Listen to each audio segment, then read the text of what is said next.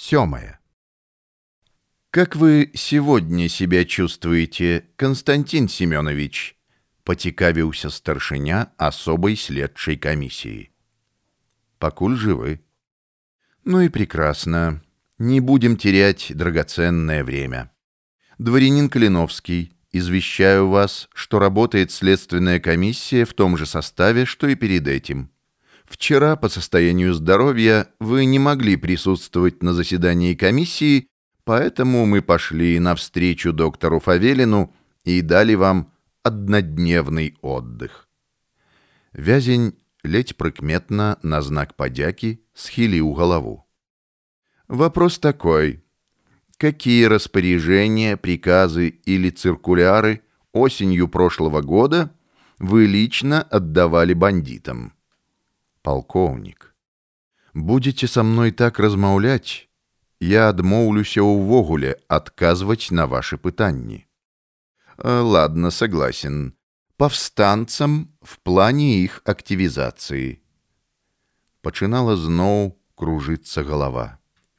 Вялікімі намаганнямі волі вязень пастараўся ўзяць сябе ў руки, перамагчы слабасць і дрыготку ў нагах.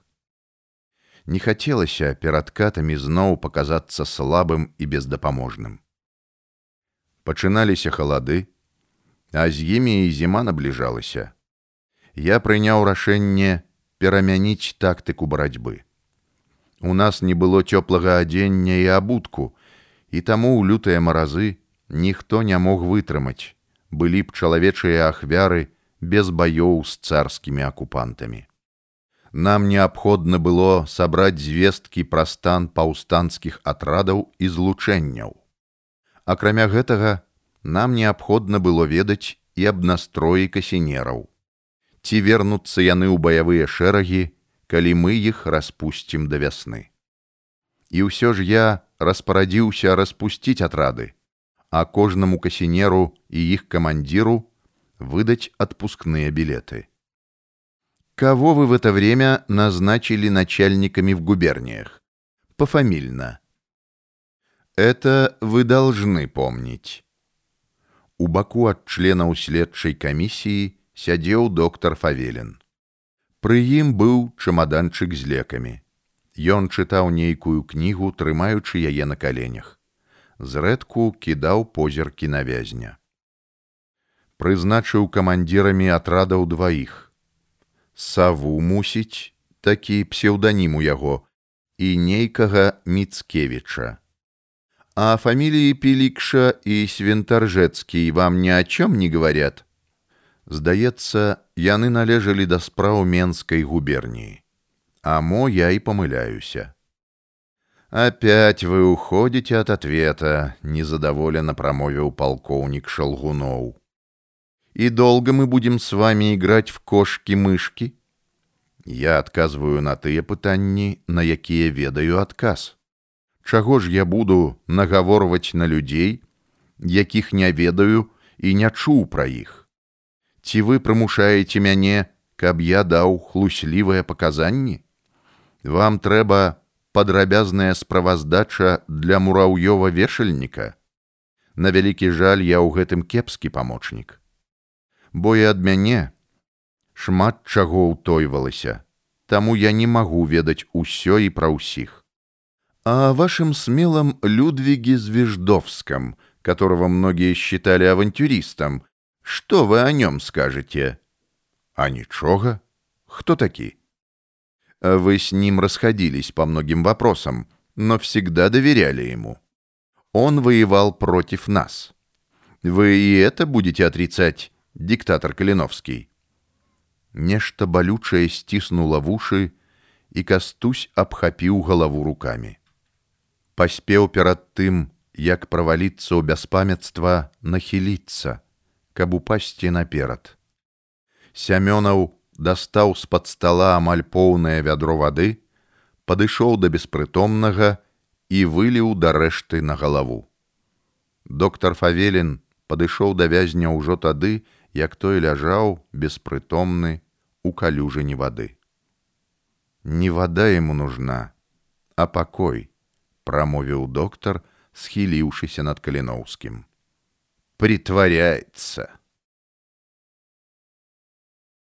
спачатку над ім нахілілася марыся маўкліва выцірала пот з лба змазвала ёдам драпіны і раны потым яна знікла а замест яе цьмяна праявіўся твар доктара фавелена вам лепш вікенцій константин здаецца лепш вы гаворыце на маёй роднай мове редко когда-то удивились этому людвика и хорошо вам известная марыся ямонт вы их ведаеце подзівіўся шчыра каліноўскі Чаму ж я не ведаю про тое?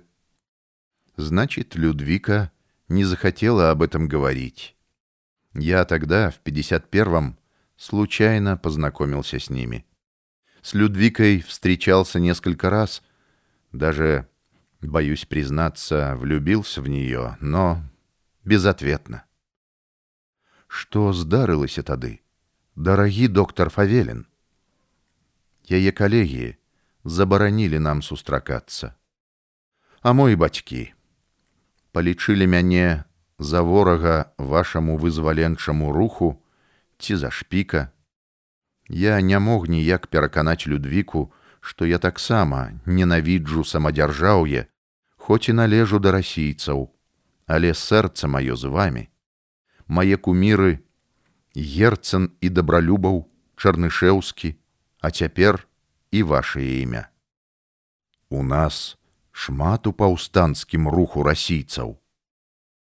Знаю о том, Константин Семенович, але я на адлегласці сачыў за імі, марысей і людвікай і за іх дзеяннямі. Не як шпіка, а як чалавек гатовы памагаць вызваленчаму руху. І заўсёды перажываў, каб з вами ўсімі не здарылася якой бяды и она произошла, та беда. Вы в лапах царского правосудия, а они — царевы слуги. Ведаю, я до усяго готовы. У меня хранятся все экземпляры вашей газеты. Я сохраню мужицкую правду для своих детей и унукаў. Буду говорить, что я лячыў і ціснуў руку самому бясстрашнаму і смеламу чалавеку беларусі літвы да што вы вяла адказаў каліноўскі я просты змагар як і ўсе касінеры няпраўда вы ў гісторыі застанецеся на стагоддзі мы з вами аднагодкі але вы здзейснілі за свае гады столькі что такое не под силу и тысячам людей. Я горжусь вами, Викентий Константин Калиновский. Доўга яны яшчэ гаварылі ў той вечар. Ім ніхто не перашкаджаў, не замінаў, і яны зразумелі адзін аднаго. І радыя былі аднадумству і ўзаемаразуменню. Бачылася ўсё як скрозь сон. Нехта нахіляецца над ім, раскрывае рот і пытаецца пра нешта. З'яўляецца Марыся, хоча нешта сказаць, але яе адштурхоўваюць невядомыя людзі. У вушах праціўна звініць, быццам туды забілася вялізная муха і ніяк не можа выбрацца на волю у скроні нехта забівае цвікі. Божа, памажы мне выстаяць, А калі не вытрымаю здзекаў, забяры ў мяне жыццё. Усё ў тваёй уладзе, Господе. У новым запавеце тваімі вуснамі сказана, што кожны чалавек павінен імкнуцца да волі. І яшчэ казаў, што кожная ўлада ад Бога. Але мы, не выбирали тую уладу. Где находится Шадурский, дворянин Калиновский? Не ведаю, не ведаю, хто такі. Людвіка Дічкоўскага ведаю, ковенскага цывільнага начальніка і альбрехта грахоўскага інфлянскага паўстанцкага ваяводы голас здаецца капітана сямёнова але ж ён пытаўся здаецца пра тое пераправярае думае што я адкрыюся ў такім стане хай думае кто известен вам из состава воевод и главарей восстания в северо-западном крае? Дайте успомнить. Пасля канаплянскага ў вільні ваяводам нікога не прызначалі. Хто быў у Менскай, не ведаю. А Віцебск і гародня з лета мінулага года ў справе кіравання паўстаннем адышлі под юрысдыкцыю варшаўскага комитета. Ладно, пусть будет так. Тогда скажите, арестованный, кого вы знаете из членов комитета опеки в Вильно? Вы должны это знать? Должны. Я повинен был молчать зусім, але размаўляю з вами. Я не могу больше говорить. Я задыхаюся. Мне не хапае дыхання. Господа, я не могу разрешить вести дальше допрос. Арестованному нужен отдых, перерыв. А гэта ўжо здаецца голас доктора Фавелина. За маё здароўе хвалюецца. Навошта? Днём раней, днём пазней, але ўсё роўна завісну я на мураўёўскай пятлі. Доктор, а вам слова никто не давал. Сходите к генерал-губернатору и скажите, что мы грубо обращаемся с арестованным. Если же он даст команду прекратить, мы тут же остановимся. Повторяю вопрос, арестованный. Комитет опеки. Кого знаете? У горле перасохло, нечто стиская горло. Дык ён жа даўно перастаў існаваць. Александр Аскерка, Яков Гейштер, Купеть, Баневич, Ямонты, семейство Кондратович. Кто они? Вы знаете их? Встречались когда? Имели сношение? Про таких ніколі не чуў явочные квартиры в Вильно. Это вы знаете. Дык пра гэта яны ведаюць. Чаму зноў пытаюцца? Я жыў у розных месцах, але ніводная кватэра не з'яўлялася явачнай. Вы лжете, арестованный. Другие арестованные утверждают обратное. Где вы жили? кто хозяева тех квартир, у которых вы их снимали? Юзефа Грыгарович.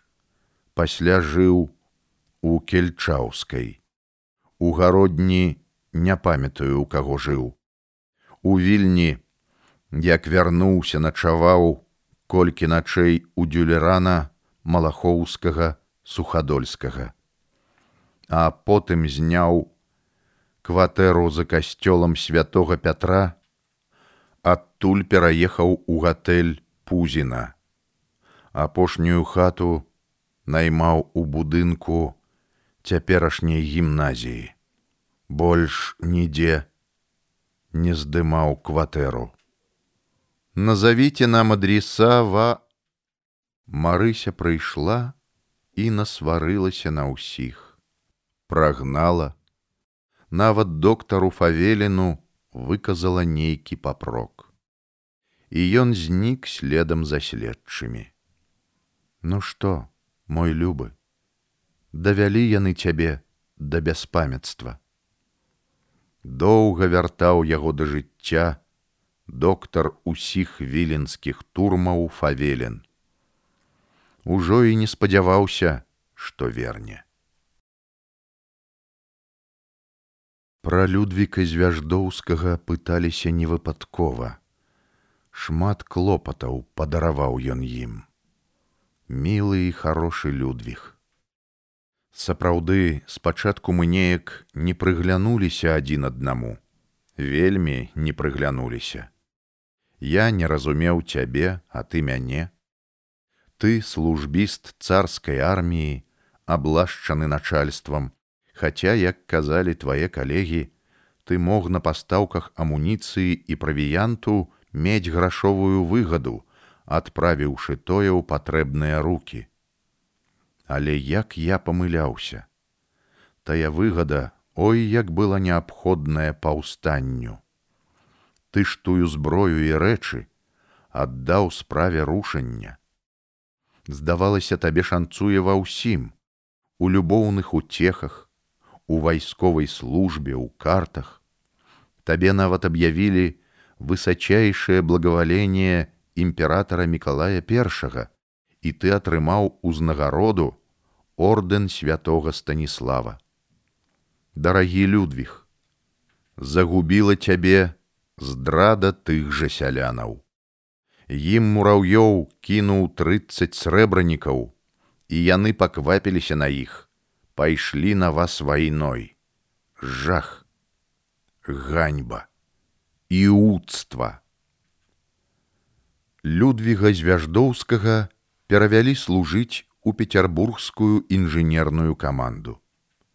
Калі ж распачалася крымская вайна у 1854 годзе адаслалі служыць у рэвель. А праз два гады, калі завяршылася крымская кампанія, яго залічваюць у штаб генеральнага штаба.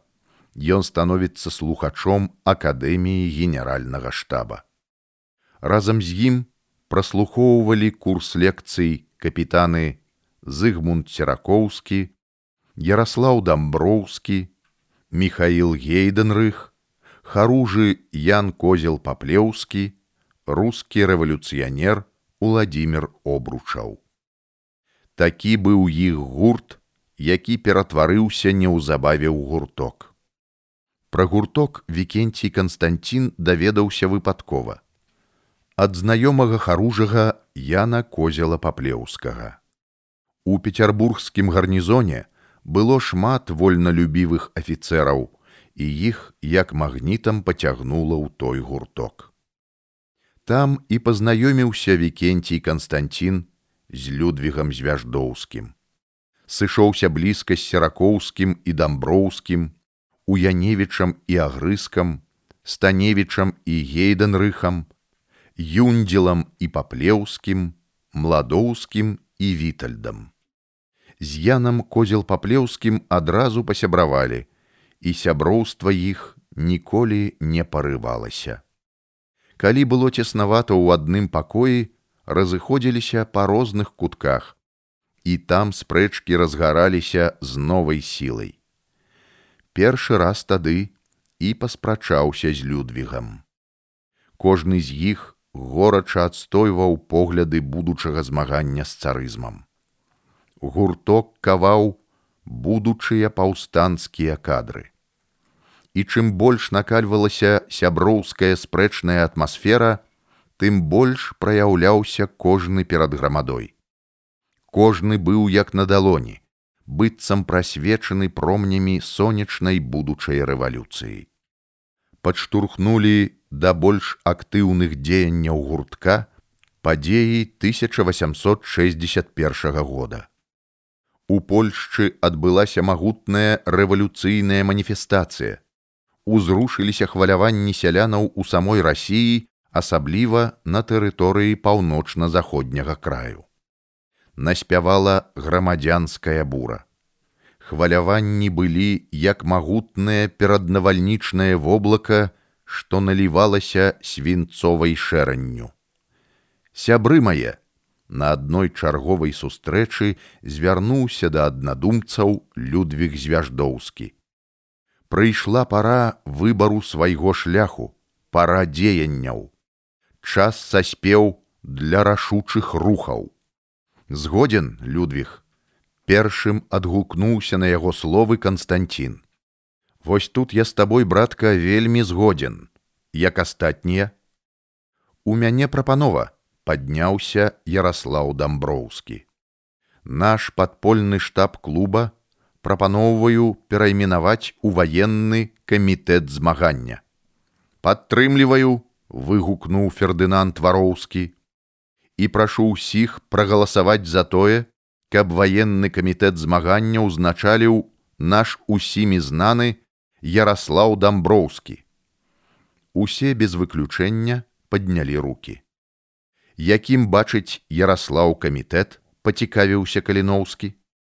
Па-першае, канспірацыя найстражэйшая. Калі мы сталі на шлях змагання, павінны быць да ўсяго гатовыя мы не будзем весці ніякіх пратаколаў і дакументаў. Перапіска на засакрэчанай мове. Пра фінансавы бок. Нам ніхто сродкаў для нашай справы не выдзеліць, Таму мы павінны ствараць свой фонд. Кожны выдзяляе 5 процентаў ад свайго доходу. І яшчэ мы трэніраваліся ў спрэчках тут у гуртку, але цяпер прыйшла пара сваё красамоўства пераносіць у масы, знаходзіцца сярод людзей, асабліва сярод сялянства, вербаваць новых сяброў нашай арганізацыі. Слушна, кіўнуў галавой Канстантин, Прапановы прымаюцца. Нам трэба наладзіць працу так, каб за хуткі час нашая арганізацыя вырасла да 200 чалавек. Людвиг Звяждоўскі быў ці не самы актыўны ўдзельнік арганізацыі. Пасля сканчэння акадэміі, маючы чын штабс-капітана, у 1859 годзе ў красавіку ўзяў адпачынак і знаходзіўся ў ім да канца года. Перамяшчаўся з аднаго горада ў другі, апынуўся ў парыжы. На той час там знаходзіўся галава польскай эміграцыі князю Ладзіслаў чартарыйскі. Сустрэцца сустрэліся, але моцных стасункаў не наладзілі. Затое Людвіг знайшоў падыходы да вядомых дзеячоў польскага руху генералаў высоцкага і мераслаўскага. Хто тады пра іх не ведаў? Пра сябе яны пакінулі добрую памяць яшчэ падчас паўстання 1830 1831 гадоў. Выклаўшы ім бачанне будучых падзеяў на землях Беларусі і Польшчы, Украіны і рассіі, з іх боку сустрэў разуменне і падтрымку ідэй. У тым жа годзе Людвіг пераязджае ў вільню. Пасада старшы ад'ютант у штабе першага корпуса. На адным з баляў якія любілі праводзіць у той час вялікія чыноўнікі, дзе прысутнічаў Людвіг, яго прыкмеціў віленскі губернатар Уладзімир Назімаў. Папрасіў сваіх падначаленых падвесці да яго афіцэра прыгажуна. Людвіг і не здзівіўся нават, калі яму сказалі пра тое. Як быццам загадзя ведаў. Галантна падышоў да губернатара, але далажыў па-ваеннаму. Па вашым загадзе, вашая вялікамосць Уладзімир Іванович, старшы ад'ютант штаба першага корпуса Людвіг Звяждоўскі прыбыў. Губернатар усміхнуўся. Я і не аддаваў ніякіх загадаў. Просто попрасіў, каб нас пазнаёмілі. Вы ж вельмі выдзяляецеся на гэтым балі паненкі, гледзячы на вас, страчваюць розум. За келіхам чырвонага віна яны прадоўжылі гутарку. Губернатар цікавіўся, адкуль юнак, якія мае схільнасці, таленты, захапленні. Людвіг гаварыў то на расійскай мове, то на беларускай, а калі губернатар папрасіў прабачэння за тое, што адарваў ад мазуркі, Людвіг адказаў ніц не шкодзі, не турбуйцеся. То назімаў ускінуў бровы, то вы і польскай мовай валодаеце, і польскай і французскай. Што ж у гэтым дзіўнага?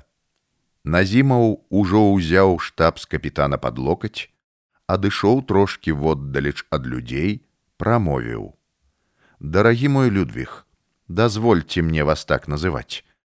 У мяне гадуюцца дзве дачушкі, і яны жадаюць вывучаць польскую мову. Гэта для іх вельмі неабходна. Ці не маглі б вы быць для іх хатнім настаўнікам? Я добра заплачу. Людвіг схіліў галаву, стрымліваючы усмешку. Я ў такой ролі яшчэ не быў, але адмовіць вам, Уладзімир Іванович не магу. Толькі не закахайцеся ў каторую з іх, хаця што я кажу. Але будьце з імі строгім. Ёсць быць строгім, тым жа тонам адказаў будучы хатні настаўнік. А каб было менш спакусы, і вы заўсёды былі пад маім вокам, я хачу вам даверыць вельмі важную пасаду пасаду майго ад'ютанта ад'ютанта перапытаў штабс-капітан так так дарагі мой вы мне якраз падыходзіце і хачу пачуць ад вас адказ прама цяпер я не даю вам час на раздумванне бо вы яшчэ можете перадумаць і адмовіцца на твары назімова задаволеная усмешка ведаў загадзя, што Людвіг звяждоўскі не адмовіцца ад такой прапановы, хаця ўсё можа быць. Я дзякую вам, Уладзімир Іванович, пастараюся апраўдаць ваш давер. Падышоў да звяждоўскага, абняў, прытуліў да сябе. Вось так, сам таго не чакаючы, Людвиг Звяждоўскі стаў сваім у доме губернатара. І не толькі ў доме, а і бываў у кабінетах чыноўнікаў, з некаторымі пасябраваў.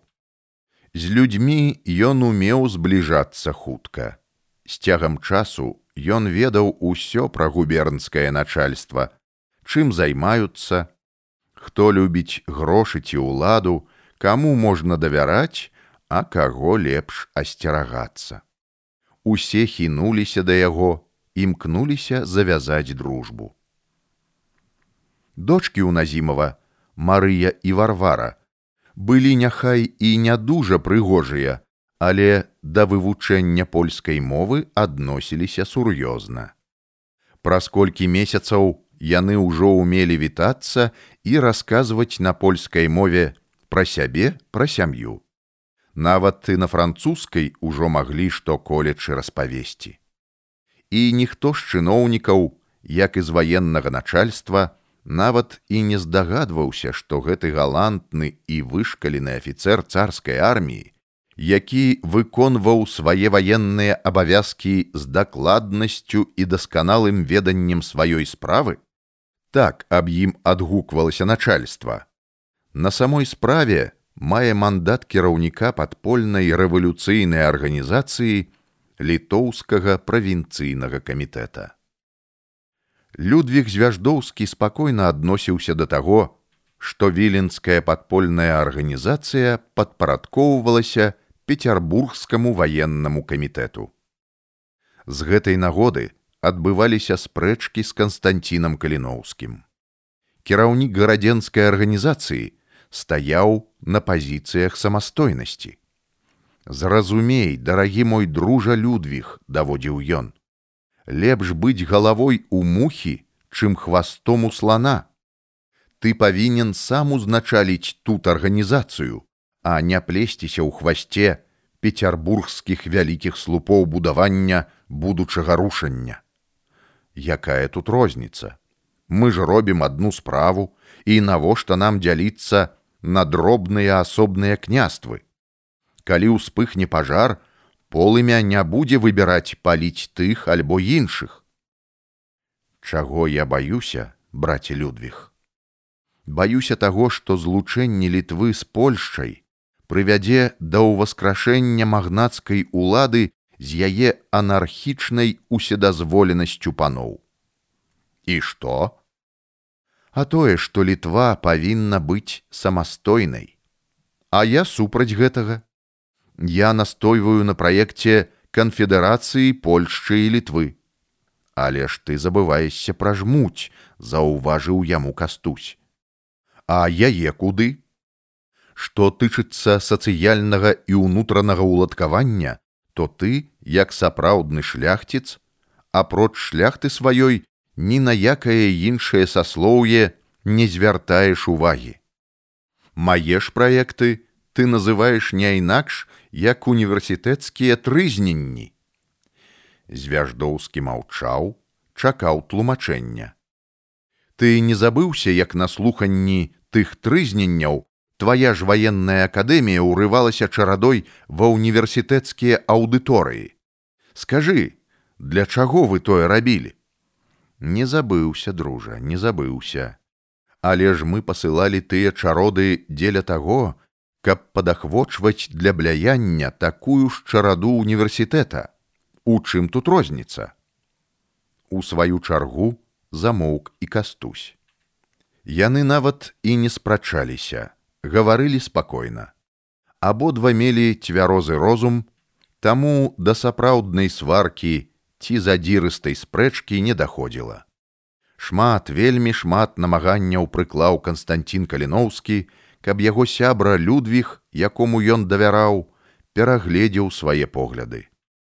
І як стала радасна на душы, калі аднойчы пачуў ад яго: Ведаеш, Вкенцій Канстантин, доўга ламалася ўва мне тое, што замінала расплюшчыць вочы.